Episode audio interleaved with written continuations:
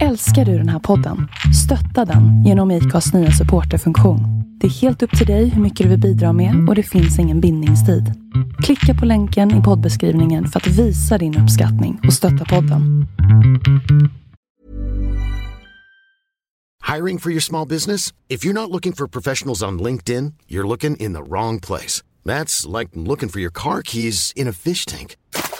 LinkedIn helps you hire professionals you can't find anywhere else, even those who aren't actively searching for a new job but might be open to the perfect role. In a given month, over 70% of LinkedIn users don't even visit other leading job sites. So start looking in the right place. With LinkedIn, you can hire professionals like a professional. Post your free job on linkedin.com slash people today.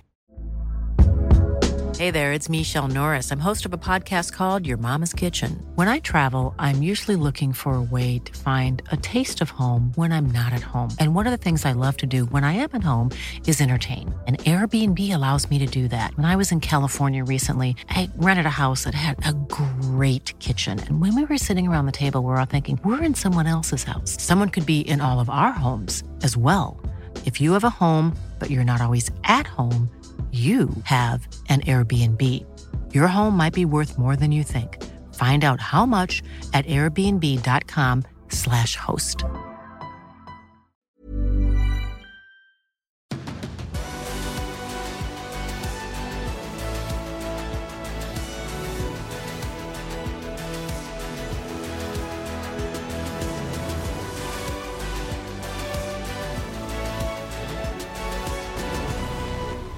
Och där börjar veckans MotoGP-podd nummer 129 i ordningen med mig Tobias Lajon och med Andreas Mårtensson. Välkommen Andreas. Tack så mycket. Eller kanske du ska hälsa mig välkommen. Vi är tillbaka i ditt garage igen. Hem till mig igen, ja. Och ehm, lite dåligt med poddande nu, va? Det var det. Jag, jag ska inte säga att luften gick ur, för så var det inte, men eh, som vanligt hektiskt schema och eh, nu är det dessutom två racelediga helger innan det är dags för Misano andra racet. Och, ja, för, mig, för mig kändes det skönt med lite luft i alla fall i, i tankarbetet. Och nu har man ju ändå hunnit bearbeta USA-racet efteråt. Nästan glömma, va? I, I vissa delar, ja. Men det är en faktiskt. hektisk period som återstår när vi väl drar igång igen. Nu är det ju inte race i veckan, utan det är till nästa helg igen. Men då är det ju tre race på fyra veckor. Mm. Sista tre avslutande. Misano, Portimao och sen säsongsfinal i Valencia. Så det är 75 poäng att köra om och eh, fortsatt öppet såklart i eh, mästerskapen och lite svajigt i de mindre klasserna och lite eh, fortfarande inte helt eh, säkert i MotoGP heller. Så att det lever, alla klasserna. Du, eh, veckans ämnen här då. Är du pigg och, är du pigg att snacka nu förresten? Absolut. Nu är du mitt på dagen här. Det är ovanligt. Det är ovanligt, Ja. så att, eh, absolut. Nummer 129, det betyder att vi har ett startnummer 29 att prata om. Vi har eh, plus och minus efter USA-racet och eh, lite på nyhetssidan. Och dessutom då inför, lite kort inför Misano, men det får vi nästan behandla mer ingående i kommande podd, eller vad säger du? Ja, jag håller med om det. Det är inte för nästa helg. Nej, precis. Så att eh, idag, onsdag, så har vi eh, framförallt fokus på det som hände i Texas senast. Du, eh, ska vi ta startnummer 29 först då, som är eh, lätt att glömma? Vi har gjort det och jag är återigen rädd att missa det. Någon gång har vi glömt det, och eh, det ska vi inte göra idag. Utan startnummer 29, och eh, för mig eh, så finns det bara en 29. Och för mig också. Ja, Och det här hade vi inte då tänker vi på samma. ja, inte ens snackat ihop oss om. Det är ju modern tid och det är från Italien, Ducati-förare och Aprilia-förare och Suzuki-förare. Ja, och numera avstängd. Ja, Andrea Enone. Samma. Samma. Ja, eh, vad säger du om Enone då? Har du några, har du några eh, ögonblicksbilder från hans karriär som poppar upp när du tänker på honom? Ja. Han, han poppar upp snabbt i alla fall för mig med startnumret. Ja, men det gör han. Ehm, och ehm, jo, men det finns väl vissa sådana där ögonblick som man kommer ihåg honom. Ögonblicksbilder som du säger. Skallningen av Paul Esparger och en av dem på Misano för några år sedan. Ja, Ehm, när han ehm, körde på en fiskmås var det va? Phil just det. Byron. Mm. Det är också någon sån där bild som man kommer ihåg. Eh, och sen så givetvis att han tog eh, Ducatis första seger på väldigt, väldigt länge när han väl tog den. 2016, Red Bull Ring. Ja, Eh, och att han fällde Dovizioso, Argentina var det året efter. Ja, du I ser. sista, näst sista svängen eller sådär. Ja. Det är också någon sån där man kommer ihåg Enone för och kanske var den kraschen som, eh, som gjorde att han inte mm, petade ut Dovizioso istället och att det var Dovizioso som fick fortsätta i Ducati för någon av dem skulle ju ut när Lorenzo sen skulle komma in till 2018 och eh, då var det ju Enone som fick flytta på sig. Mm, synd där tycker jag. Det är en förare som...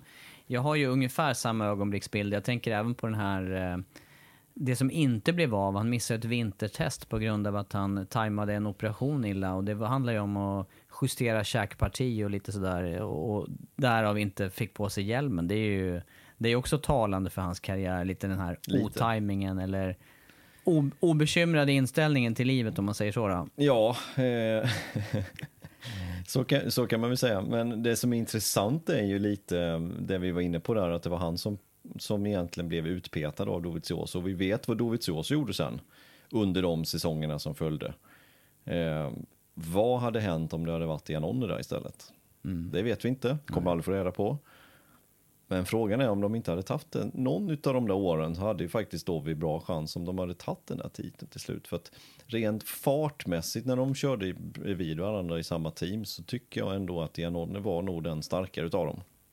Och tittar man tillbaka på hans karriär i Moto 2, då var ju han en av få förare som någonsin på allvar har utmanat Marquez också om, om både titlar och, och race-segrar. Så att han eh, definitivt en förare som står ut fartmässigt. Ja men det gör han, som, som inte fick ut sin eh, kapacitet fullt ut. Nej, men jag undrar om inte de här sakerna utanför banan till slut är det som också kan, kan fälla avgörandet för de här otajmade grejerna och fokus på saker utanför MotoGP-depån. Eh, I alla fall under, under säsong. Det, jag tror att det, det tar bort fokus och det tar bort den här eh, yttersta möjligheten att ta hem titlar i slutändan. Ja, det kan vara det. Han, eh, han har ju hängt med kändiseliten i Italien, har en och en halv miljon följare på Instagram till exempel. Eh, Jag tror att han är med i någon sån här Dancing with the Stars eller något liknande just nu och han ska ju då vara stjärnan i det hela då. Ehm, Ja, och vissa saker kanske tar fokus från andra saker. Mm. Jag vet också vid något tillfälle där det skulle lanseras någon parfymdoft också som... Just det. Ja. Var inte det i samband med den här käkgrejen? För jag har för mig att vi fick reda på det när vi var på plats i Qatar inför säsongspremiären. Både parfymen som släpptes samtidigt som man inte kunde köra på grund av en operation. Mm. Jo, jag tror att Jag det, tror att det var samma tillfälle. Mm, Mm, typ sammanföll. 18, 19 någonstans. 18. Ja, men sen också tillfällen då han, eh, han skadade ju ryggen vid ett tillfälle i, mot, under MotoGP-karriären. Jag minns inte vilken säsong det här var, men där var ju också en period efter ryggskadan där han faktiskt presterade bättre och jämnare resultat och kanske tog bort lite av de här eh, yttersta svängningarna för hans del. Och, ja, det, det kändes ju som att han, han lärde sig lite på vägen och, och kanske, kanske var bra att köra skadad för hans del. Ja, kanske. Kanske, men eh, en förare som inte fick ut sin kapacitet i vilket fall som helst. Inte fullt ut åtminstone. Ehm, tre gånger. Han körde tre säsonger i, eh, i Moto 2. Alla tre åren så blev han trea i mästerskapet. Marcus var ju med två utav åren så det var inget dåligt motstånd direkt. Nej. Segrar i alla klasser genom karriären, både i 125, Moto 2 och en seger till slut i MotoGP då 2016. Den, eh, den smäller ju högst naturligtvis. Givetvis. Ehm, då, då var det ju han och Dovizioso som slog som segern. De valde olika bakdäck, olika gummiblandning på bakdäcket. Det var nog det som avgjorde till slut till Janones fördel. Ehm, Do- Dovizioso blev ju två i det racet. Ehm, ja, Men, men du, vi har varit nära den här, de här händelserna. Jag var, jag var på plats på Misano det året när han skallade Paul Esparger och det är en sån där händelse för då var kommentatorshytten precis i hörnet där, alltså utgången på start och målrakan och då såg man det här, de här två virvla förbi utanför kommentatorshytten och den här skallningen och sen så eskalerar det ju efter det också. Det var ju inte nog med att han skallade Paul Esparger utan det var ju, det var ju fel på spanjorer i allmänhet och det var, ja, det, det där, det skenar ju otroligt. Han fick en ganska hög bötessumma efter det som man skulle betala och dessutom så höll det ju faktiskt på, karriären höll ju på att ta slut nästan där. nästinpå. Och det var ju hans eget fel för han gick ju på insidan i kurva 16 eh, på Polly Sparger och gick omkull på eget bevåg och drog med sig Polly Sparger ut i spenaten. Så det var ju hans fel i sista svängen och sista varvet. Så Ja. det var ju hans fel. Och vi vet ju, vi var ju precis på Misano, vi ska dit nästa, vi vet ju kurva 16 är inte lätt att köra om i. Eh, och det har ju hänt sådana saker både före och efter den här incidenten. Och sen tänkte jag även på den här eh, som pågår nu, avstängningen då. Eh, där var vi ju också på plats i Malaysia, upprinnelsen till det här. Det vill säga det race där han faktiskt testades positivt för Nandro, nej, Drostanolon var det. Drostanolon, anabol steroid. Och eh, ja, hur, hur blev turerna efter det? För där var det ju också, det var inte helt solklart vilken eh, bestraffning han skulle få. Nej, inte helt såklart eh, var det inte. Utan eh, han blev ju eh, avstängd där i december 2019 var det. Han testades då i november 2019. Testade ett positivt i Malaysia. Körde finalen som var mm, två helger efter. Eh, men sen någon månad efter så blev det ju då känt att han hade testat positivt i något race före då i, i Malaysia. Blev avstängd först och främst 18 månader och det blev han ju av, av FIM. Internationella motorcykelförbundet. Eh, en dom som både han överklagade och som WADA överklagade till CAS, då, alltså skiljedomstolen. Som gick på WADAs linje eh, och så fick han fyra år istället. Så ursprungligen, den här ursprungsdomen då, nu överklagade ju båda som du sa, men då hade han ju egentligen varit eh, fri att köra nu redan. Mm. Men eh, det här eh, istället då, 48 månaders avstängning, för mig, ja det, det är lång tid, fyra år, och särskilt inom den här sporten, för att det här betyder ju att han är ju, jag menar han har ju inga träningsmöjligheter under tiden, på rätt material åtminstone. Nej, det har han inte. Eh, Jag har sett att han kör lite faktiskt. På Misano någon bandag på Aprilia dessutom. Eh, Nu får vi se då. Nu, nu är det ju två år kvar. Hela säsongen 22, hela säsongen 23. Den går ut alltså december då 2023. Men eh, jag har ju mycket svårt att se att han kommer tillbaka till en aktiv karriär efter det. Ja, jag också. Det är väldigt länge att vara borta och det, det är... Ja, får, då får han vara hur eh, talangfull som helst. Han, åldern har, eh, talar emot också för att han börjar bli till åren i de här sammanhangen i alla fall. Han är född eh, 1989. Eh, 2023 då, då skulle han, eller vad blir det då, 2024 blir ju året efter då. Eh, då skulle han alltså fylla, under den säsongen så fyller han alltså 35. Det är ju inte omöjligt. Det är ju helt omöjligt är det inte. Nej, det, nej, det är det inte. Men han, han får ju se till att... Eller vad ska jag säga? Det, ja, Dansa då- säkert. Ja, exakt. Och vad ska, han, eh, vad ska han in någonstans i så fall då? Men, Nej, mot, mot GP är tveksamt. Det är tveksamt. Ytterst tveksamt. Ja. Testförarroll, Kanske, kanske. kanske. Och i så fall wildcard, det, det ser jag som mer troligt än att man signar upp honom för full säsong åtminstone. Ja, men varför inte testförarroll hos eh, Aprilia? Till exempel. 2024. Det är ju inte omöjligt. Nej, det är inte omöjligt. Det Vi får se. Ja. Men du, ehm, du, ja, 13 segrar som sagt var totalt och ehm, en karriär som verkligen har varit upp och ner och en eh, personlighet i depån. Det kan man ju inte annat säga. Det är en av de mest frispråkiga kan man ju också säga, tillägga under presskonferenser och under presstillfällen.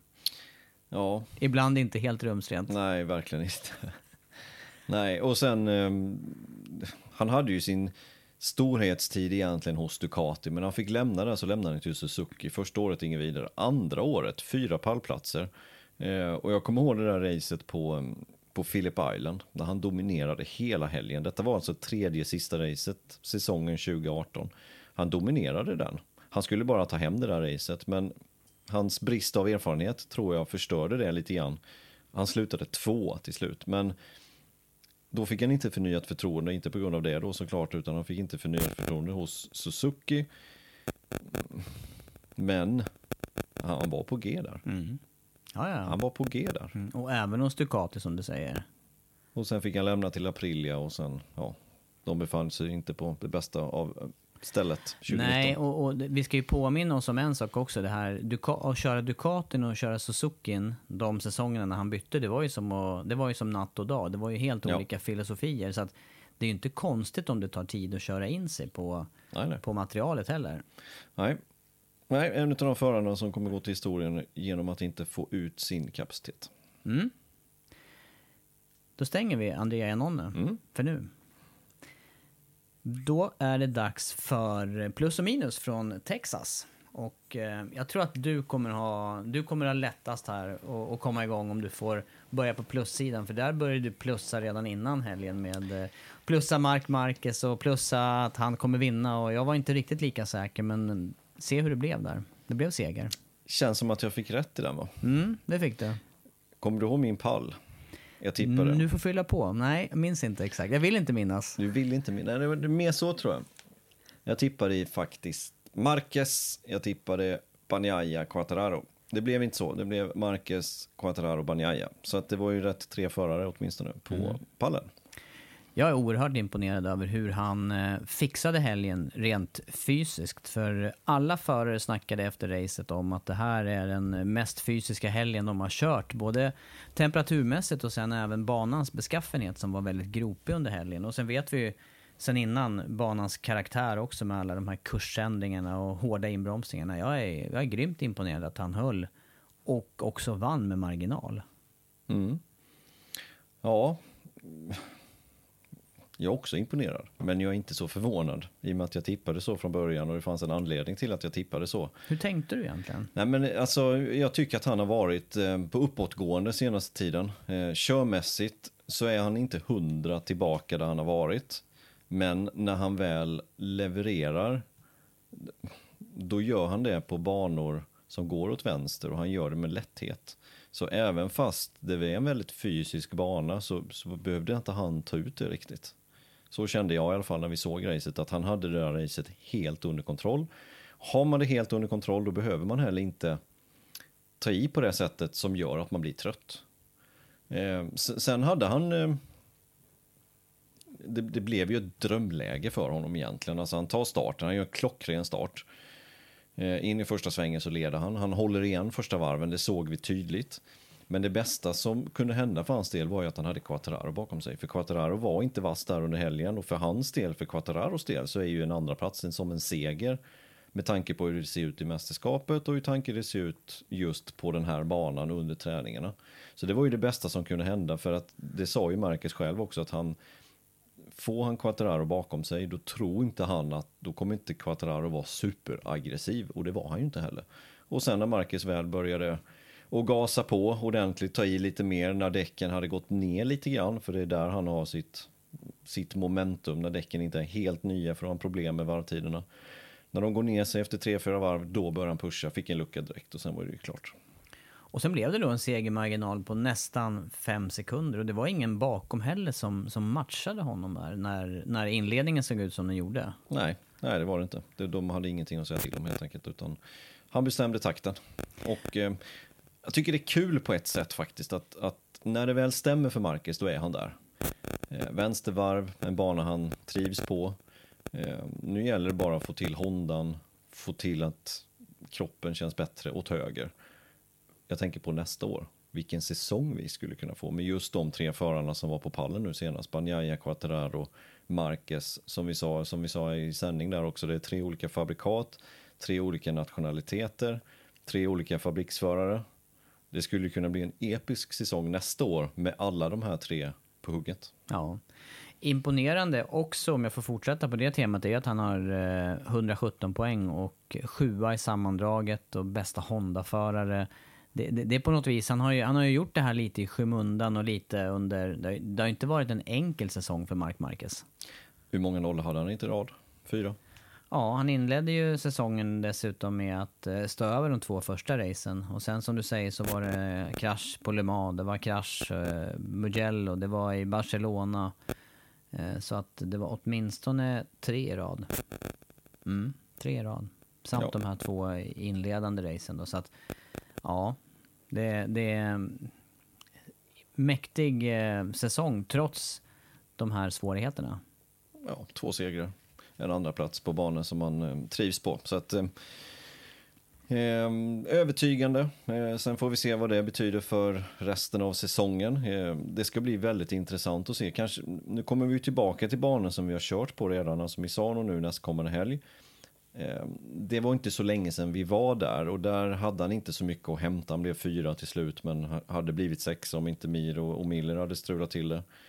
Eh, men racet efter det på Portimao, det ska bli intressant att se tycker jag. Då, då får vi återigen en värdemätare var Marcus ligger. För där har han varit och kört nu. Han var där i våras. Det var första racet för comebacken. Eh, slutade sjua. Ja, vi får, Sjua vi får gå till statistiken. Men det kan nog stämma. Eh, och då, då ser man ju tydligt om man har gjort någon förbättring under den här säsongen. Vilket borde vara fallet. Ja. Eh, det, det kan ju vara en, en skillnad här nu också till eh, Misano jämfört med första helgen eftersom att det var två testdagar efter där. Jag vet inte om det påverkar Marquez positivt eller negativt i och för sig. Han kanske... Jag är inte säker på att de ens testar för i år där. Nej. Utan det kan vara mer för nästa års syfte. stämmer en sjunde plats i alla fall från, eh, från Portugal för, för Mark Marquez del. Men på plussidan åtminstone och eh, visar återigen att han är eh, bäst när det gäller, i alla fall åt vänster. Säg något mer om Marquez eller ska vi hitta vidare punkter på plus och minussidan? Vi hittar vidare. Jag vill lyfta även Quartararo. Du säger ju honom som... Eh, eh, du, du förklarar ju läget där. Han, eh, han behöver ju faktiskt börja köra för ett mästerskap. Samtidigt så slår han inte av. Och det fick vi också exempel på i eh, Italien. Eh, racet innan USA där han faktiskt pushade för att ta sig fatt Banjaya. Men jag tycker även det här racet, här, här gjorde han ju precis vad som krävdes och han höll sig framförallt före Banjaya. Så att Ja, det, det finns ju inget att anmärka på den här helgen. återigen vilket kval han gör alltså. Ehm, startar alltså tvåa, blir tvåa i racet och missat, nu, nu, tjatar vi om det här det tio gånger när vi säger det känns det som, men, alltså han startar alltså i första startled alla race utom ett den här säsongen. Ehm, och då vann han från en femte plats i andra racet i Qatar. Det är fenomenalt kvalat och det är alla typer av banor. Eh, det är extremt bra och det gör att han får den här möjligheten i racet. Hade han, hade han varit sexa, sjua, då hade det varit mycket, mycket tyngre för honom eh, och var vara iväg sexa, sjua i första varvet ut på långa raksträckan. Då hade han blivit fast med de andra och haft jätteproblem att komma förbi och, och temperaturen i framdäcket hade ökat och fästet hade slutat. Och där det blivit mycket, mycket sämre. Men han ger sig möjligheten hela tiden genom att kvala så pass bra. Så att det är ju en av hans absoluta styrkor. Och 52 poäng nu, 254 poäng för Quattararo, 202 för eh, Banjaya. Det vill säga att det kan avgöras nu nästkommande helg. Kan han bli mästare eh, så länge han är före Banjaya. Eh, och ha över 50 poängs försprång. Eh, och, och mästerskapet är ju, i stort sett är det ju hamn för Quattararo. Det, det kändes som att han, med den andra platsen så kanske han inte, han kanske inte vann mästerskapet med den andra platsen, men han kanske, det kanske var sista chansen att förlora det. Som eh, senaste helgen här. menar Ja, exakt. Mm. Om vi vänder på det så istället för det. Ja, hade han tagit en nolla där, då hade det ju varit öppet, men det gjorde han inte. Han blev tvåa som sagt. Och, och mer poäng än Banjaya som har kniven på strupen. Ja, men intressant att du lyfter det här med kvalen också. Och, både kval och raceresultaten, om man eh, tittar på Yamaha-förarna i övrigt, de har ju varit helt i andra änden av skalan här. Och det är ju det är kanske värt att lyfta i sammanhanget här. Det, det, jag tycker nästan vi får lyfta antingen Yamaha eller Morbidelli som faktiskt slutar sist i racet på, på minussidan den här helgen senast. Och det här att Quattararo lyckas eh, övervinna svårigheterna som de andra har med Yamahan eh, och, och eh, prestera, som du säger, kontinuerligt under hela säsongen. Vad, vad, är det som, vad är det som gör att han hittar den här farten då på enstaka varv som, in, som ingen annan av Yamaha-förarna ens är i närheten av? Ja, det vill nog de andra Yamaha-förarna också veta. Ehm, jag läste någon intervju där med Dovizioso som var grymt imponerad av Quartararos speed och hur han tar sig runt på den här Yamahan. Alltså nu, nu sitter han på Yamaha själv, men inte senaste spesen och inte likadan spes som Quartararo, men fortfarande så var han imponerad om, av hur Quattararo behärskar sin hoj helt enkelt. Eh, nu har de haft struligt i år med, alltså hos Yamaha, det vet vi ju, med olika förare hit och dit och skador och Vinales och allt möjligt. Eh, så- det är väl inte så jättekonstigt att det är han som är i slag. Och, och ska man köra den här Yamahan så måste man verkligen vara topp, topp, topp hela tiden. För är du inte det, då kvalar du lite sämre, precis som jag sa. Du hamnar i trafik och du får problem. Eh, utan du måste vara där uppe och ha det här självförtroendet. Och de andra har inte riktigt, de har inte mäktat med att ha det här självförtroendet, känsla för cykeln hela tiden som Quattararo har haft. Nej. Han hamnar definitivt på, på plussidan efter, eh, efter eh, Texas-helgen. Eh, är, är Morbidelli värd att sättas på minussidan då? Han hamnar sist i racet.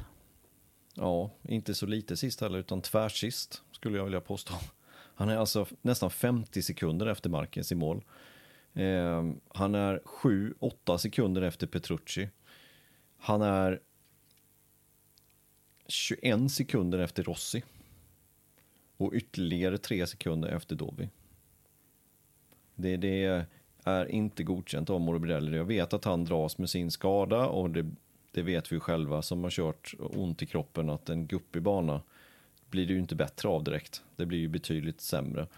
Eh, men jag tyckte vi spekulerade lite om det också inför han skulle komma tillbaka i Misano. Att är det inte lite väl tidigt? Det verkar lite så. Och jag, jag ser inte riktigt nyttan med att, att ha honom bli 50 sekunder efter. Det är klart att, att nyttan är ju, jag förstår ju nyttan, att han, han ska komma in i teamet och lära känna människorna, få testa cykeln och allting för en förberedelse till nästkommande säsong. Eh, Men det gör ju Dovizioso också. Och han är ju 24 sekunder före i mål. Nej, Nej, det, det, det, jag tycker att det här var för tidigt för, för Morbidelli att komma tillbaka. Kanske att han skulle komma tillbaka till Misano nu istället.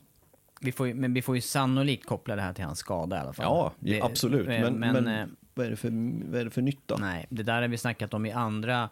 Eh, något som man mer då kan jämföra med, eh, med, med en, en vanlig eh, gatåkare som kanske åker på bana då och då.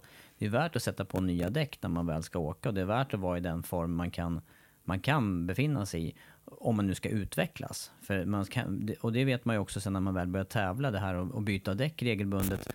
Det gör ju att man vågar pusha på gränserna och som det känns nu så pushar inte gränserna på grund av någonting fysiskt. Och, Nej. det blir ingen utveckling på det i alla fall. Nej, han, han kan ju inte pusha gränserna heller för att gå någon kull med knät då kan det bli ännu värre så att eller dra upp skadan igen så att, nej, men jag tycker det är lite tråkigt att se faktiskt. Ja, det är tråkigt.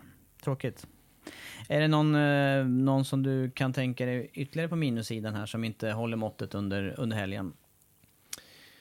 Ja, ehm, han, ehm, Han kollegan? han kollegan. Eh, nej men jag, jag, jag skulle säga Jack Miller. Ja, kollegan till Banjaya blev det där. Ja, För det är alltid, alla är kollegor till någon här. ja, det var ganska bra öppningar. Du kunde välja vem du ville. Ja, exakt, jag kunde välja vem. Alla Yamaha-förare kunde välja, så valde jag Jack Miller. Ja, Nej bra. men eh, Miller som, eh, han såg ju favorit ut i racet vill jag säga tillsammans med Marquez. Fram till kvalet. Fram till kvalet såg det bra ut. Och vad misslyckades han med under kvalet? Var det dåliga däck igen eller var det någonting annat som störde? Han säger ju det. Michelin gick ut och sa att det inte var så. Utan Michelin sa ju andra förklaringar till varför det gick så pass dåligt på hans flygande varv. Sen är det ju väldigt svårt att, att bara tyda, alltså statistik och sektortider säger väldigt, väldigt mycket. Men det säger inte hur känslan är för bakdäcket som föraren har. Och det är det som är det viktiga för föraren för att kunna sätta bra sektortider. Sen visst, de sa ju någonting att han åkte 20-22 sekunder långsammare i en viss sektor när han byggde upp temperaturen och att det kan ha påverkat och så vidare. Sen vet vi att det är ett väldigt smalt fönster. Om det är hans känsla som beror på att däcken var dåliga. Konstigt att man får två dåliga däck i så fall och att han är den enda som klagar på det. Ehm, eller att det är helt enkelt att han förberedde däcken dåligt eller någonting annat som inte stämde med Ducati. Jag vet inte, men det, han säger ju att han inte hade samma känsla i bakdäcket som han ville ha och därför kvalar han dåligt. Mm. Och då blir det svårt eh, oavsett vilket fabrikat man sitter på. För det det, det det slutar med här under racet i alla fall, en sjunde plats och han var 14 sekunder efter Marquez.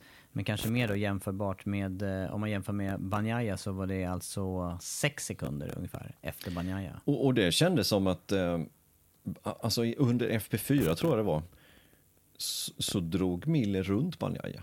Det var så det såg ut, att Miller skulle hjälpa Banjaya att komma upp i fart för att Miller hade så pass mycket bättre fart. Och sen så slutade det med att Banjaya slår honom i racet. Och, och det är väl...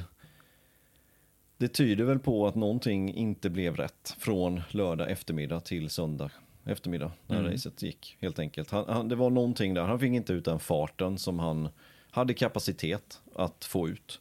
Eh, och sen gick jag på ett annat däckval och frågan är om hans Frågan är om hans kvalposition avgjorde att han valde det hårda bakdäcket som inte var rätt. Att han kanske, han, han, han tog en gambling där lite grann som inte gick hem riktigt. Frågan är om det inte hade gått bättre om man hade gjort som alla andra och valt det mjuka bakdäcket.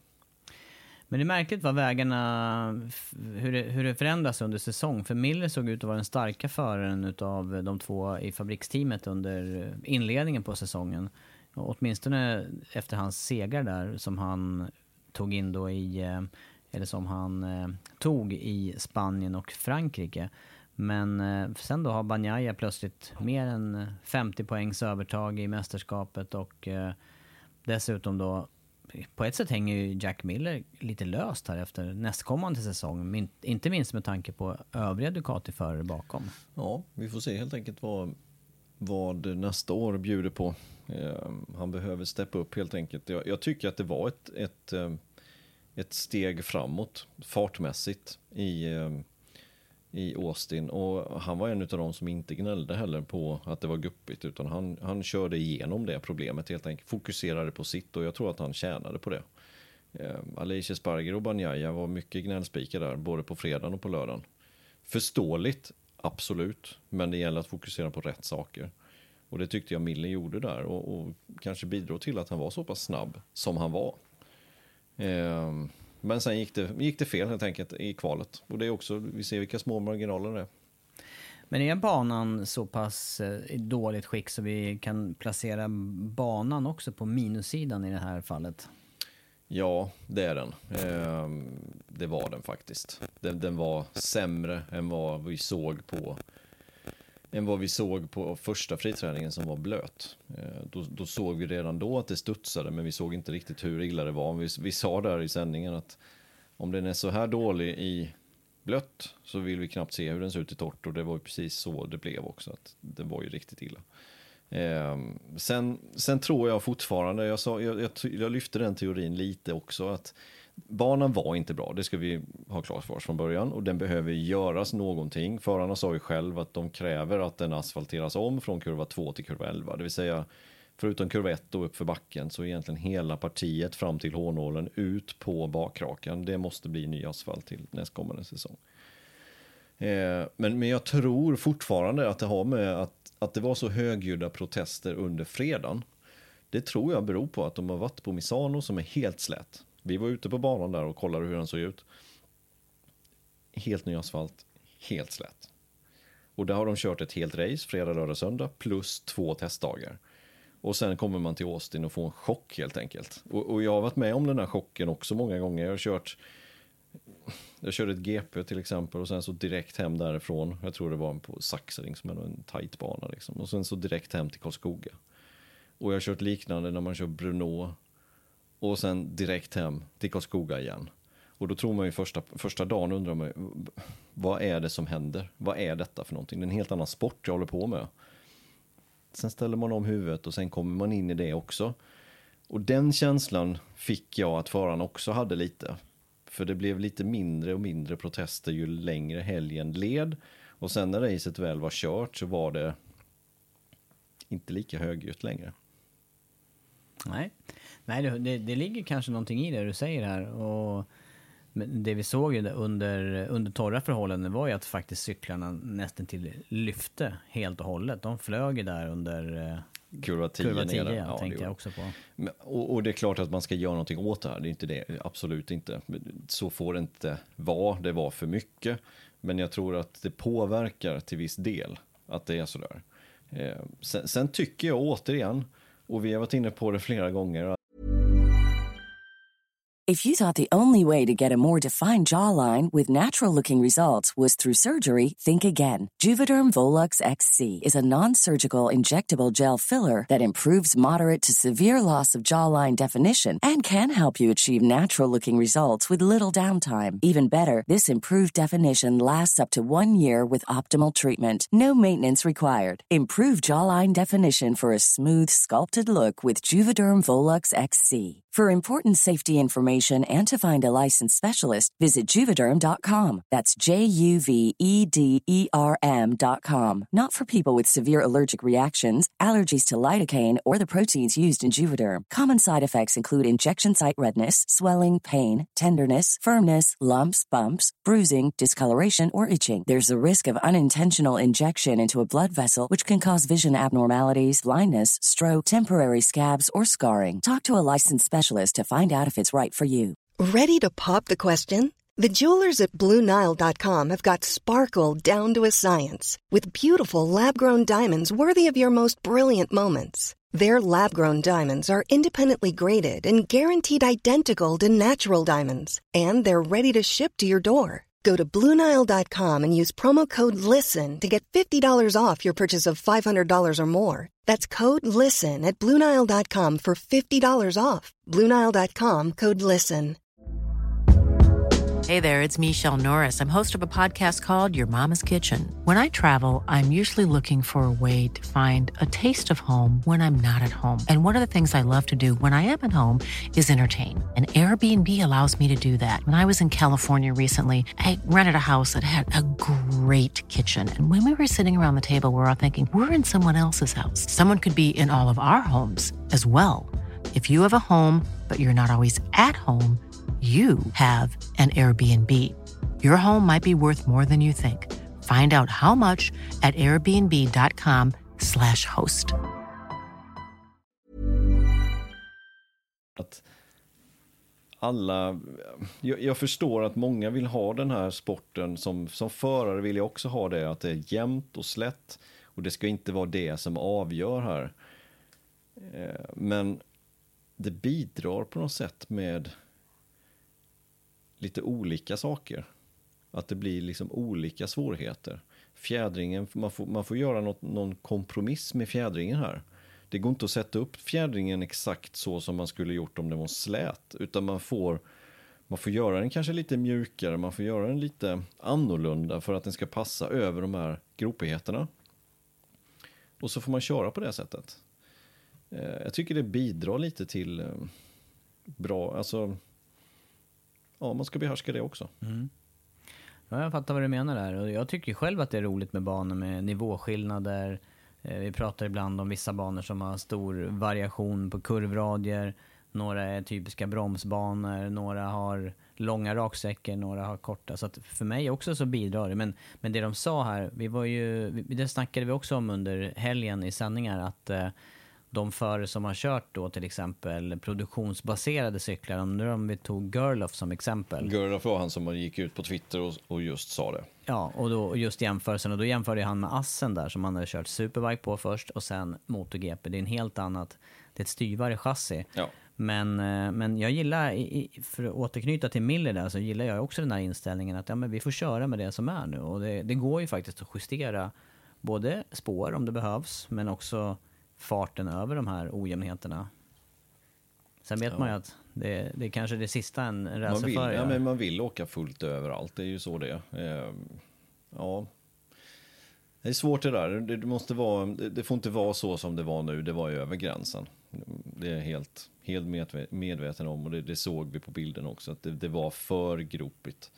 Men helt slätt, det är, det är jätteskönt att åka på, men jag tycker nog att det kan vara lite gropigt ändå. Ja, det tycker jag nog. Spännande att du tycker det. Ja, det tycker jag nog. Ja. Det behöver inte vara helt perfekt, det får inte vara farligt som det här var, men, men helt slätt. Nej, för blir det farligt, för mig är ju det till exempel att det slår till, man, man måste ju få kunna missa spår lite grann och, utan att båda hjulen slås undan. Eh, alltså det ska inte vara som att åka liksom på, på upptorkan då man åker på någon de, halv decimeter torr, torr spår och det är där man måste hålla sig för att hålla sig på hjulen. Riktigt Nej. så behöver det inte vara för mig heller. Nej, Men, eh, men eh, förhoppningsvis så åtgärdar man det här och eh, att banan kan finnas kvar på kalendern. För att Jo, men det, jag, det, det sa de ju att de ska fixa. behövs ju ett race i, i Nordamerika. Ja, men det sa de att de ska fixa också till, tills serien är där i april. 10 april tror jag det var. Ja. Nästa kommande år. De får börja hyvla och, eh, hyvla och eh, lägga på nytt. Ja, frågan är vad de kommer göra här nu. um, Om de har någon quick fix. För jag tror att USA ska dit, eller F1 ska dit eh, nästa helg. Jag tror att det är Kanske. samma helg som, um, som vi kör på Misano. Just det, det, det så är det säkert. Ja. Eh, men eh, ja, det är klart, då kanske det blir... Studsar det för hojar så studsar det för bilar. Ja, Gissningsvis. ja. Fixar man det innan så är det stor risk att det studsar efter. Alltså Exakt. efter att bilen har varit där. Om det är för nyfixat och för nylagt, då kommer inte det hålla emot heller. Nej. Nej, det kommer nog bli talking point det där under nästkommande helg även i F1. Kanske blir såna här gamla klassiska hasplåtar under bilarna som man körde med på rallybilar förr i tiden.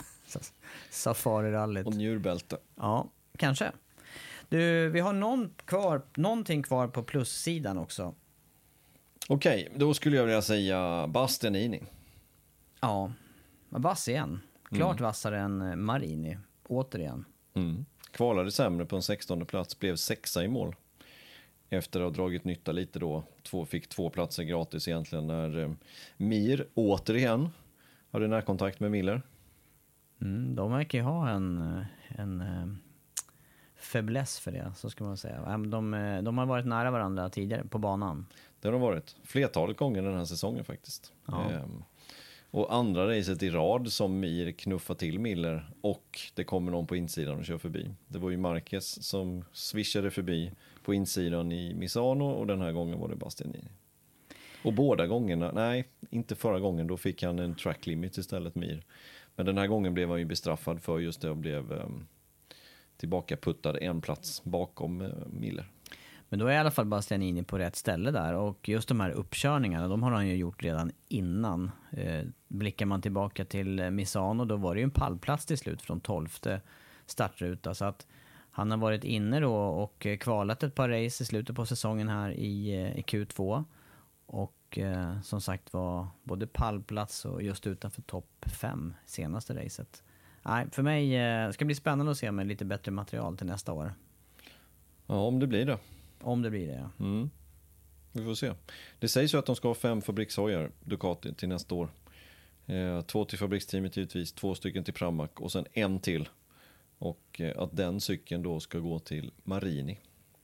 Det är så det sägs. Eh, han kommer nog sitta på lite bättre material, han kommer väl köra på eh, 2020 material istället då. Frågan är vad det är för skillnad, om det är någon skillnad i- överhuvudtaget. Ehm, men att fabrikscykeln då kommer gå till Marini, det är så det, det, är så det sägs. Marini och Bastianini då som kommer ju inte köra samma team nästa år.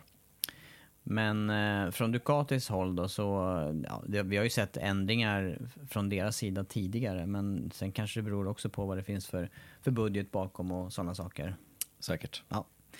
Bastianini, gärna för mig på plussidan. Och eh, då har vi alltså Marquez, Quartararo, Bastianini på plus. Vi har Miller, vi har Morbidelli och sen banan på minussidan. Stänger vi de två Mm. punkterna då, plus och minus. På nyhetssidan då Andreas, du brukar vara inne och eh, kolla möjligheter för oss inför säsongerna. Var ska vi befinna oss? När kan det vara läge att vara på plats? Och så vidare. Och eh, nu har kalendern släppts inför kommande säsong. Den har gjort det. 21 race. Eh, så många race har det aldrig varit innan. Vi får se om det blir det. Det skulle varit 20 förra året, det blev det inte. Eh, I år är det 18 va? Mm. Tror jag. Ja. Och till nästa år alltså 21 stycken race. Två nya banor på kalendern. Det är Mandalika i eh, Indonesien och det är Finland. Kymmering. Och Kymmering har ju varit på tapeten här nu ett par säsonger och inte blivit av. Men eh, förhoppningen då till sommaren, för då ligger, då ligger den under sommarmånaderna, eller hur? Ja. ja. Eh, 10 juli är tanken att köra i Finland. Säsongen börjar alltså 6 mars i Qatar, precis som vanligt. Avslutas den 6 november i Valencia. Det är så det ser ut. Mm. Och Mandalika ligger tidigt på året. Mandalika ligger som nummer två, ja. Bara två veckor efter premiären, den 20 mars. Och sen Argentina får vi hoppas att vi kommer till. Troligtvis gör vi det. Ehm, Jag, ser, jag har sett lite bi- bilder på Twitter att deras bygge av depåbyggnad går framåt. Den brann ju ner här för ehm, ja, halvår sedan kanske. Sånt där. Ja, någonting sånt. Ja. Och sen USA då 10 april och sen så fortsätter då Europasäsongen. Och sen blir det fyra stycken i Asien, Australien. Men då anledningen här då till att man ökar på, nu tar man alltså inte bort något race. Eh, vi minns att vi eh, snackade om det här att ska man inte ta bort ett race på Iberiska halvan åtminstone, det vill säga Jerez, Valencia, Aragon eller Barcelona. Det verkar inte som att det blir det då. Nej, istället för lägger man ju till en på den eh, Iberiska halvön med Portimao som blir ordinarie från och med nästa säsong. Eh, Och där kommer ju då Europasäsongen att börja. Den brukar ju börja i Spanien eh, i början av maj. Men nu börjar den alltså veckan före då, så sista helgen i april i Portugal istället. Och sen direkt till Jerez. Och det är ju smart för det är ju inte, inte alls långt däremellan. Nej. Så det är väl smart att göra så och kul också tycker jag att få in Portugal på den ordinarie kalendern. Eh, så det blir trevligt att komma dit faktiskt och se den. Jag har aldrig varit där. Så det, dit ska vi ju nu om några veckor. Mm. Ja, det ska bli väldigt roligt. Eh, men de här andra två nya banorna då, Kymmering och eh, Mandalika, vad är det som återstår att göra där tror du för arrangörerna? För att jag antar att det inte är helt klart ännu. Nej, eh, men visst är det så att de ska till, World Superbike ska väl till Mandalika här om bara några veckor. Så är tänkt, ja. Eh, och det blir ju spännande att se. Eh, de är väl i Argentina den här helgen tror jag. Och där är ju en fruktansvärt bra fight just nu alltså. Ja, det är det. Det är det verkligen. Det är ju helt fantastiskt. Alltså vilken, vilken racing vi har fått se i, i World Superbike i år. Jag har följt det nu i slut, på sluttampen här. Följde hela Portugal, Portugal-racet där med Rea och eh, Raskat Lioglu som fightas riktigt hårt. Stor dramatik också med krascher och det ser vi inte ofta från dem. rejäla Ja, det var krascher. det. Det var rejäla krascher. Jag såg en bild på, nu fick man inte följa den, men först var det ju Rea som kraschade i ledning eh, i sista svängen eh, i första racet och sen kraschade han även i regnet eh, i sprintracet eller i superpool-racet. Och, och sen var det ju Raskat Lioglos tur att krascha på samma ställe, alltså i sista svängen, i race nummer två. Och den kraschen fick vi inte se vad den cykeln blev av, men jag såg lite bilder på det där på Facebook och på Twitter. Och då var ju hans framhjul med ena gaffel låg ju på läktaren Ja. bland publik. ja, det var högfartskrascher. Ja, ja. Men vilken smäll det måste Ja. ha varit då, om den flyger över staket och hela Men, faderullan men och visst var det något tekniskt problem där med framskärmen Den eller något lossnade liknande? eller sprack eller Ja. någonting sådär. Jag såg något skämt där, att det har ju att göra med, eller det var Redding som skämtade om det. Att ja, men det har ju att göra med att han kör på alldeles för mycket. Kör på före alldeles för mycket. Till slut Redding var, ju, Redding var ju med faktiskt i fighterna ett tag. Ja, det var det. Var. Nej, spännande. Och eh, det blir, det, det blir bra genrep i Indonesien när, när Superbike är på plats där. Ja. Ja. Och där Nej, det, Spännande att följa faktiskt. Jag, må, jag måste komma tillbaka till det. Spännande att följa de två förarna alltså. Nu är det, jag tror det är 24 poäng mellan Raskat Lioglu till hans fördel till Re, mot Rea. Och vinner Rea så är det hans sjunde titel och tar eh, Toprak titeln då är det första titeln för hans del. Ja, ja, Och första titeln på väldigt länge för Yamaha också. ja. Vet, ja, du, vet det- du vem som vann senast? Ja, Ben Spies 2009 Ja, gissar jag på. det var väl så. Mm, jag tror det också. Ja, det är, det är så. Jag vet att det är så. Sen dess är det väl typ Cava och Rea. Ja. Några Ducatis med kanske. Ja, nej men... ehm, spännande fight, men det, det går på hörntänderna alltså. Toprak kör ja, lite över gränsen emellanåt. Ja, vi kanske får anledning att komma in på det när vi snackar vidare här. Jag tänker att vi ska, måste ju lyfta någonting om Moto 3 och Moto 2 också ifrån USA. Kanske kommer andra turkiska racerförare på tal menar du? Mm, jag tänker så. Mm. Men du, det här med, med Raskat Lioglu då, bara för att hänga kvar någonting. Tror du att han, eh, om han nu vinner mästerskapet i år, om han tar hem titeln, eh, om, borde han inte omvärdera sitt beslut det här med att inte ta sig vidare till eh, MotoGP?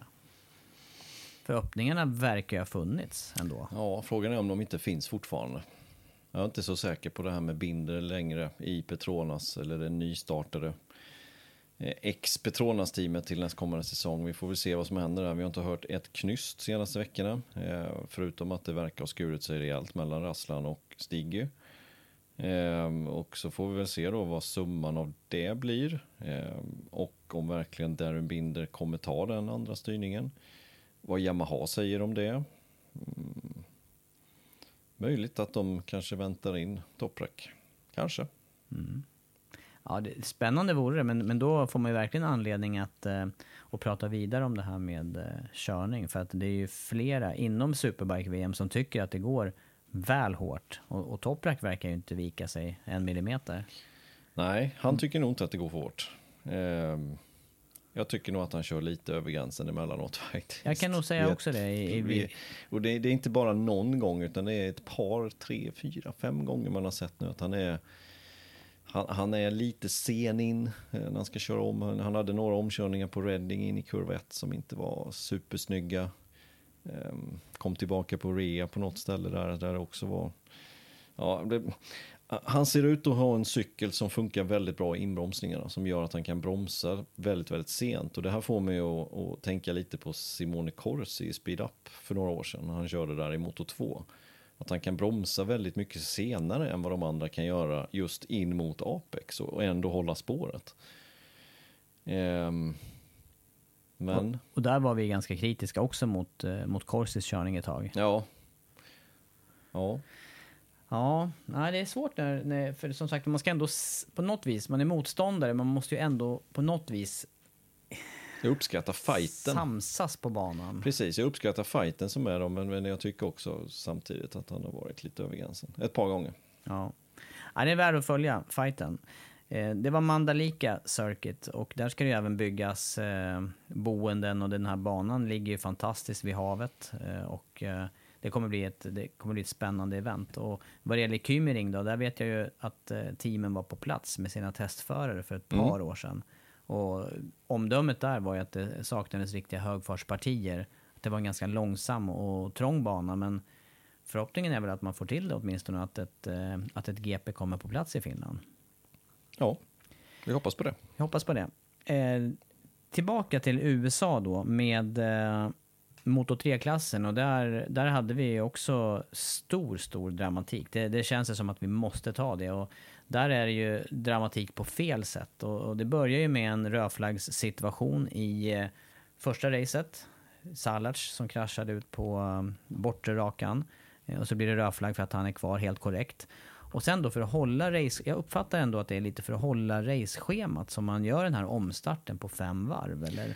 Ja, nej, men det står till tolkning? och med i reglementet. Eh, Det finns väl eh, skrivet där hur många varv omstarten ska vara om man har kört en viss typ, en viss del av distansen. Så att enligt reglementet så är det korrekt att ha det så. Och det har ju givetvis med att hela, om, om det nu blir i två delar istället så ska de delarna bli ungefär 40-45 minuter så att inte det blir försenat eh, med alldeles för mycket. Så att det är ju helt korrekt. Men när det är fem varv, det är ett långt varv dessutom. På Misano så hade det här varit kanske åtta varv. Då, hade, då hade det känts lite bättre kanske. Nu blev det eh, sprintrace. Mm. Det blir sprintrace. Så redan när det beskedet, eller som du säger, där, det, det, vi fattade att det skulle bli en omstart med, med få varv. Men eh, min känsla var ändå att det här kommer bli, eh, det kommer bli ett eh, riskabelt, eh, riskabla varv. Och så blev det. Så blev det. Det small, small redan på tredje varvet eh, på raksträckan. Eh, Öntju som slipstreamade om Alcoba, för han låg bakom ut på rakan. Tog sig jämsides och sen så gick han in framför. Eh, klippte med sitt bakhjul eh, Alcobas framhjul. Alcoba gick omkull. Eh, och sen så var det väl Minio som flög först va? Och sen så var det även Pedro Acosta. Mm. Och just den här slipstreamingen där, det är väl ingenting att säga om det och ta sig om. Och där tog Jörnsjö sig om inåt mot banans mitt och sen så svepte han utåt igen mot utkanten och där på, på banan så är det ju en knick på halva rakan och det är väl därför förarna ligger långt ut till vänster där. Det fanns ju ingenstans för Alcoba att ta vägen vidare. Nej. Så att, eh, det, det är väl en sån där situation som vi har sett allt för ofta i, i olika klasser. Vissa förare stänger mer brutalt och går in framför. Det har vi ju även sett i, i bromsningar. Just omkörningar, bromsningar. Ja, ja. absolut. Ehm, Och man har ingenstans att ta vägen där, den som är passerad. Nej, men man, det är ett ofog att hålla på på det sättet. Och det har vi sagt många gånger. Eh, den här gången så blev det realiserat vad som kan hända om man gör på det sättet. Ehm, och eh, det blev inte bra. Och att ens någon överlevde, eller att de klarade sig, att ingen omkom i den här olyckan är helt otroligt. Det kunde ju slutat jättedåligt. Ja, man kunde, de, Acostas flygtur hade ju kunnat slutat uppe på de här eh, armkorräckorna vid sidan av banan eller vad som Ja, helst. det också. Men, men, men Alcoba har ju så också sån flyt alltså när Minho kommer och kör på för att han går omkull och ligger då under cykeln men med cykeln som, Sköld, som eller? sköld ja, som gör att han flyger på cykeln där bakom. Alltså det, det hade varit att han hade legat 180 grader åt andra hållet, vilket han inte har, en, han är helt omöjligt för honom att ens ha kontroll över det. Då hade det inte slutat bra. Nej. Nej, då är, det, då är man inne i de här sekvenserna som vi tyvärr har sett ett flertal av i Ja. år. Ja. Med, med påkörningar. Och, och ska man då ska man eh, stävja risken för svåra olyckor så måste det ju till någon, någon annan, lite annan mindset hos vissa förare. Ja, Ja, ja, och Öncho är ju en förare som vi har varit kritiska mot i två säsonger nu egentligen. Att han kör inte speciellt snyggt. Han kör väldigt aggressivt. Över gränsen, flertalet gånger. Ehm, och, och nu fick vi kvitto på vad som kan hända när man kör på det sättet som han gjorde. Till hans försvar så är det inte bara han som håller på så. Utan jag har sett Alcoba göra det. Alltså nu, nu var han väldigt kritisk och sa well done my friend i livesänd tv. Lite chockad att han ens har undkommit den här olyckan givetvis då. va, Men han är minst lika bra kolsuper han på att göra dumma saker på banan. Eh, Rodrigo har jag sett det göra flertalet gånger. Han hade väl någon incident på Barcelona eller något liknande här tidigare under året när han var långt in till höger och bara svepte allihopa. Kunde också slutat väldigt, väldigt dåligt. Så att Öncho är inte ensam om att göra så här. Det gör många förare. Men Öncho vill jag ändå säga, det, det är en av de som gör det kanske flest gånger. Och som har kört generellt sett mest ovårdat under året. Mm. Ja, jag, jag håller med dig där. Och därför är det ju, i, i, tycker jag, rätt att följa upp det här med en bestraffning nu. För nu blir Öncho bestraffad. Han får inte köra racer på Misano, han får inte köra i eh, Portugal. Men däremot komma tillbaka till finalen. Tror du det finns någon tanke i det? För det här Ja. verkar man ju ha fattat i alla fall i efter, efter stunden. Det här kan ju inte vara någon fastställt att så här många race blir det avstängt. Nej, Nej det, det, det beslutet kom ju bara några timmar efter målgång där i MotoGP-racet. Men vi sa ju där när det precis hade hänt att det där, eh, det där var nästan värt tre race avstängning. Jag, jag håller nästan fast vid det, eller jag håller fast vid det. Att jag, hade, jag hade inte klagat om det hade blivit resten av säsongen. Men jag förstår också en ung kille som Öncho, som, han, han gör ju inte det här han gör ju inte det här med, med syfte att dra omkull Alcoba, utan han gör det här i syfte att Alcoba ska slå av liksom. Och han, har, han kanske inte har full koll på var Alcoba är heller. Så jag vill inte säga att han gör det 100% med flit. Och då stänga av en sån här kille, ung kille, resten av säsongen som det hade blivit, det vill säga att han får inte köra race förrän 6 mars nästa år. Det är hårt. Det är hårt.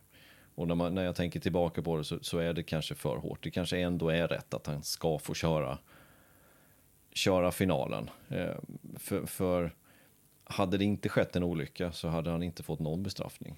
Eh, så det känns också som att tävlingsledningen vill sätta ner foten lite här nu. Och den här gången var det Öntjö, vilket inte är speciellt det är inte speciellt eh, överraskande med de anledningar som vi precis har sagt här. Eh, men det kanske ändå rätt med två. Han, han får något sätt statuera exempel här nu. Han får vara prejudikatet på att göra så här, då åker man på detta. Mm. Ja, jag tycker i alla fall att det, för- min förhoppning är att det här eh, blir ringar på vattnet, att det här sänder ut sådana signaler så att eh, även förare i andra klasser och även i de här matarklasserna som vi har snackat om, att man, att man ser över det här. Men vi är ju tillbaka till det ändå med jämnheten. Vi vill ju se tät racing, vi vill se omkörningar och det blir på något vis, det blir motsägelsefullt det här. Man, man vill ha så tätt och så samlat som möjligt. Men samtidigt inte så tätt så att det sker olyckor och det är... Nej, men tillbaka där en gång bara till att det här blir ringa på vattnet. Ja, kanske. Men då kan man inte göra som Kenan Sofoglu gör. Som är alltså, han är manager både för Toprak och för Öntje-bröderna. Och gå ut och säga att det här var helt, eh, det här var helt eh, orättfärdigt. Det här, det här förtjänade Öntje absolut inte. Eh, Toprak går ut och säger ungefär likadant om sin egen körning mot Rea. Att vill de inte vara med på det här så är de pip och, och så vidare och så vidare. Det rimmar väldigt dåligt tycker jag. Det är Och, dåligt. Mm. och det är just från de här turkiska förarna som det rimmar dåligt. Eh, då blir det inga ringar på vattnet heller. Nej, De- de måste nej, de se måste, sig- ja, de de måste här se sig som en del i, eh, i det här skeendet. De här två förarna och Kenan Sofoglu som är kanske också känd för att köra på precis samma sätt. Han la inga fingrar mellan i Supersport-VM utan det var med närkontakt när det behövdes om man säger så. Och lite till. Eh, de, de måste se sig i spegeln, tycker jag. Nej, det är inte, det är inte, jag är inte förvånad att det liksom är från samma Nej, grupp förare. Inte där. jag heller. Nej. Inte jag heller. Och speciellt när vi vet hur Kenan körde. Nej, nej, det är långa... Tentaklerna går, eller rötterna går långt tillbaka Mm, i tiden. det gör det. Ring, vad, vad säger man? Ränderna går aldrig ur. Nej. Nej, men eh, som du säger, det där... Eh, eh, ja. Nej, Men, man- men jag man- hoppas bara att tävlingsledningen nu börjar att bestraffa även när förare gör så här när det inte händer någonting. Att de fortsätter med det nu. Eller fortsätter, de har väl inte gjort det innan, men att de börjar med det nu. Att, eh, tydligen så har det också gått ut ett mail, ska vi också tänka på, så det är inte någonting då bara vi stänger av honom nu och så är teamen helt ovetande, utan det har gått ut ett mail till förare och team att nu kommer vi tajta åt det här. Nu kommer vi införa hårdare, strängare tolkningar, regler för dålig körning eller oschysst körning eller farlig körning eller vad man nu vill kalla det. Ehm, och jag hoppas att de fortsätter nu med att, att, ja, men att de bestraffar även när folk gör, när förare gör sådana här manövrar och det inte händer någonting. Att de börjar med att nu får ni fasen åka rakt fram här alltså. För det är ju dels det här att vingla lite fram och tillbaka på raksträckan. Då kan man ju ha synpunkter då, ja men de har inga backspeglar, det finns ingen som ser bakåt, men man har en uppfattning ändå. Har du precis passerat så har du en uppfattning om hur långt före du... Ja, Ja. Det där, vet, det där vet man när man har kört ett tag. När man har kört själv så vet man vilken koll man har. Ja. Ehm, och, och även 16-åringar har den kollen. Och sen tänker jag även den här situationen ta sig om förbi och sen är det en bromssituation där man går in precis framför framhjulet. Ja, det är ett otyg, det är det samma ju saker. precis lika farligt.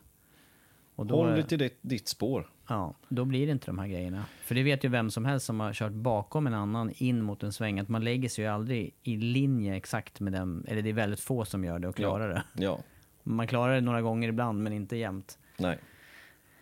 Nej, vi får hoppas och det var skönt att, att se i alla fall att det gick bra. Det var ju också lite intressant att se just eh, som du sa reaktionerna där på förarna efter just kraschen med Acosta som yngst, kanske minst berörd i stunden. Det var han nog också. Men Minjo, Men som Minjo, är ja. äldst där, han, det ju var som helt ett- tom blick. Ja, han var som ett lakan. Han, det, var, det, han var, begrep direkt vad Ja. som kunde ha hänt där. mm, det var ju ungefär den blicken vi fick av Rossi efter eh, Österrike när de såg Ja, repriserna ja, det var det. förra året. det, var det. Nej, så att alla fattar ju att det där var illa.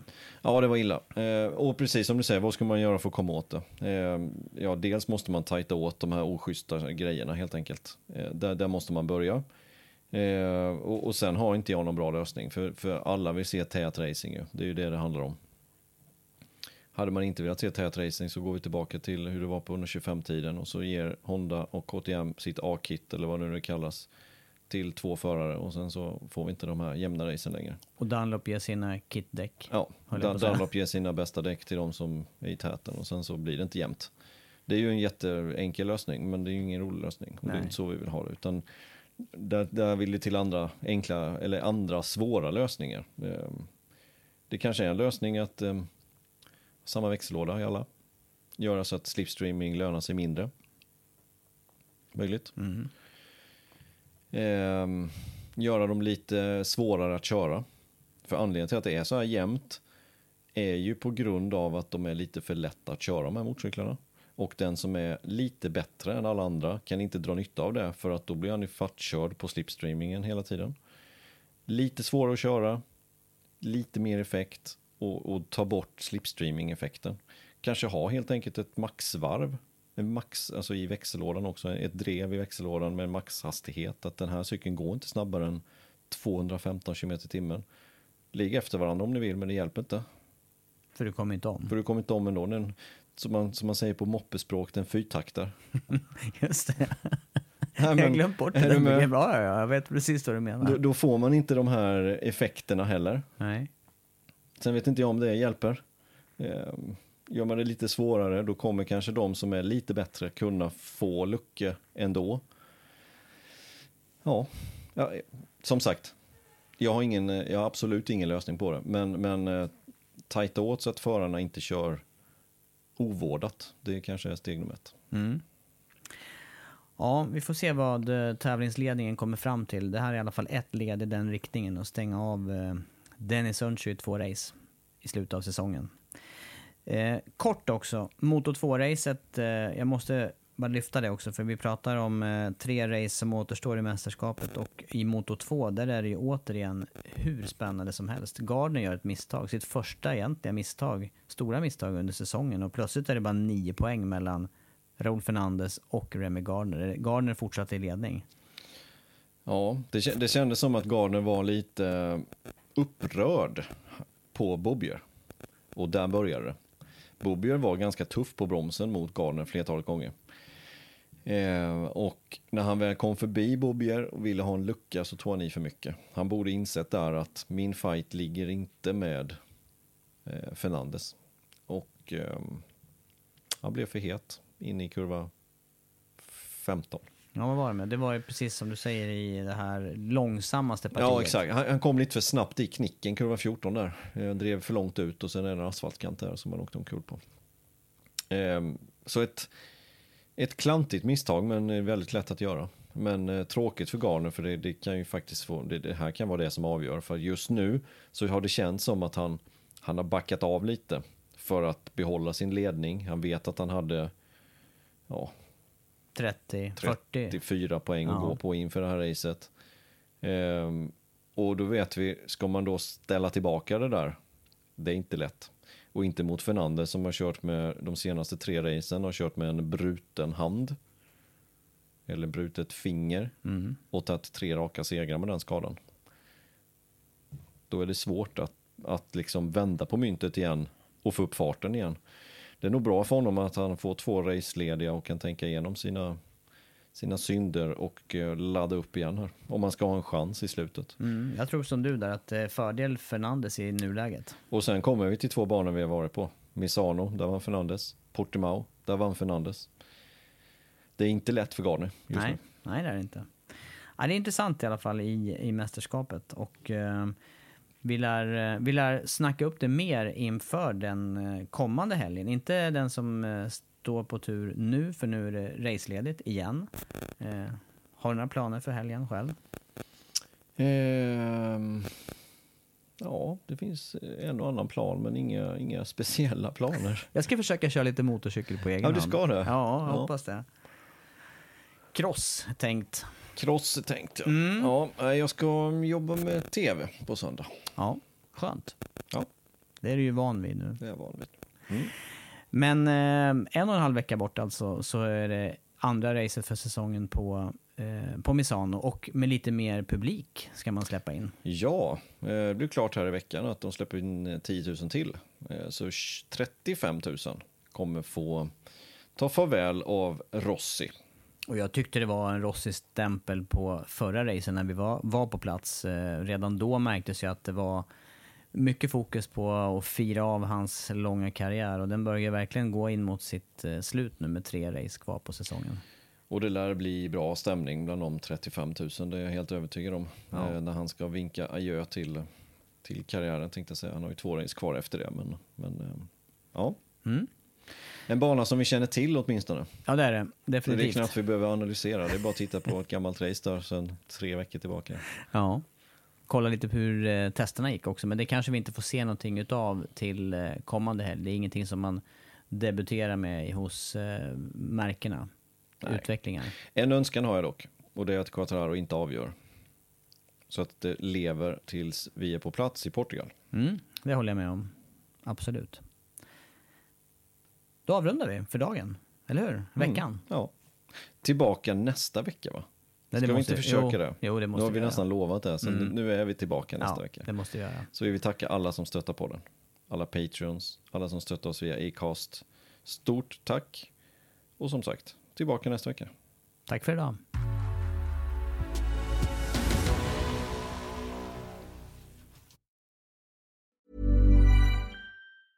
Hey, it's Paige DeSorbo from Giggly Squad. High quality fashion without the price tag. Say hello to Quince. I'm snagging high-end essentials like cozy cashmere sweaters, sleek leather jackets, fine jewelry, and so much more. With Quince being 50 to 80% less than similar brands. And they partner with factories that prioritize safe, ethical, and responsible manufacturing. I love that. Luxury quality within reach. Go to quince.com slash style to get free shipping and 365 day returns on your next order. Quince.com slash style.